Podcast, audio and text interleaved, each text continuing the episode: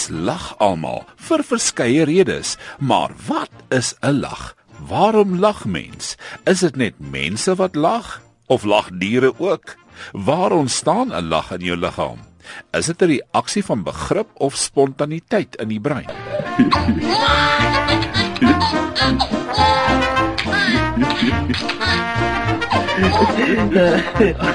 Jo, jo, jo, jo, jo. Die Amerikaanse spotprentkunstenaar Robert Mankoff sê dat dit nie net die mens is wat lag nie, maar diere ook. Selfs rotte kan lag. We could tickle animals and generate a lot of vocal activity that appeared to be laughter. These animals would begin to enjoy our company and they would start to play with our hands. And En dit is duidelik dat die volgende sjimpansee ook lag wanneer hy gekielie word.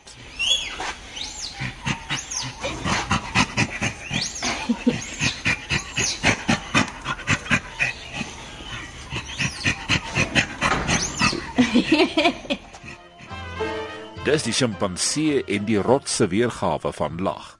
Maar sê Mankoff dat mense kan grappe vertel en 'n hele groep mense kan saamlag daaroor.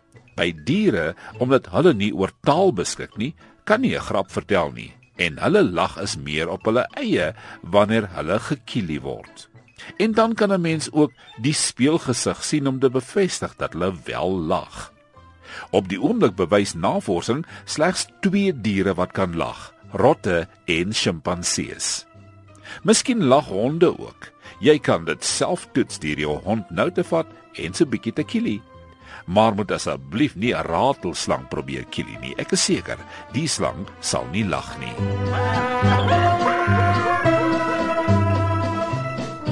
Vir die mens is dit 'n sosiale aktiwiteit om te lag. Ons lag tussen 40 tot 60% meer tussen mense as wat ons lag wanneer ons alleen is. Dis eintlik amper onnatuurlik om alleen te lag. Ons leer nie om te lag nie. Dis 'n basiese menslike instink waarmee ons gebore word, volgens 'n Britse YouTuber, Aaron Finn van 42. Laughter is very powerful. It can create powerful bonds between people. Laughter is often a part of the human mating ritual as well. One of the most surreal aspects of laughter is that, apart from fake laughter, we don't decide when to laugh. It just comes naturally.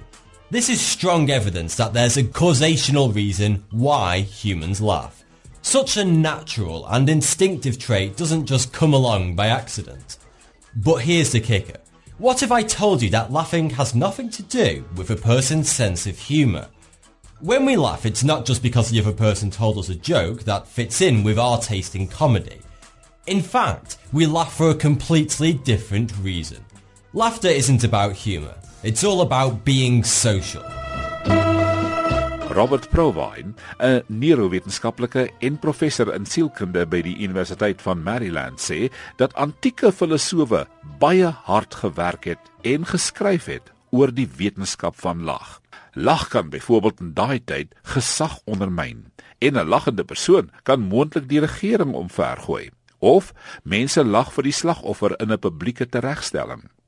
Hulle sou dus lag sien as 'n gevaarlike ding.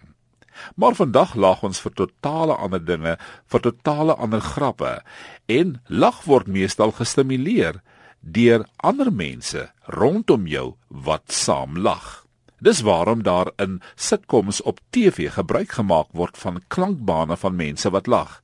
En jy lag dan saam vir iets wat noodwendig nie snaaks is nie. Dis vir jou TV by die huis.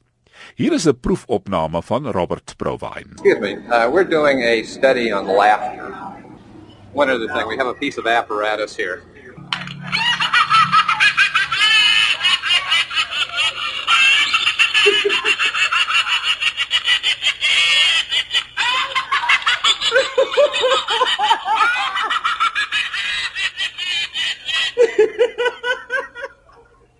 Why were you laughing? I don't know. Did anyone tell a joke? no. Did anyone do anything funny? No. Just the sound of this made you laugh. En lag het sy helende en goeie eienskappe. Lag kan ons bymekaar bring en verenig. Daar is al baie geskryf oor die voordele van lag, maar lag kan ook gebruik word om seer te maak. Dink maar aan die skoolboelie wat lag terwyl hy sy slagoffer verneder, of dan die lag van die skurk in die James Bond fliek. En 'n lag is universeel. Almal in die wêreld verstaan wat 'n lag beteken. Maak nie saak watter land of kultuur. Lag nog geslag.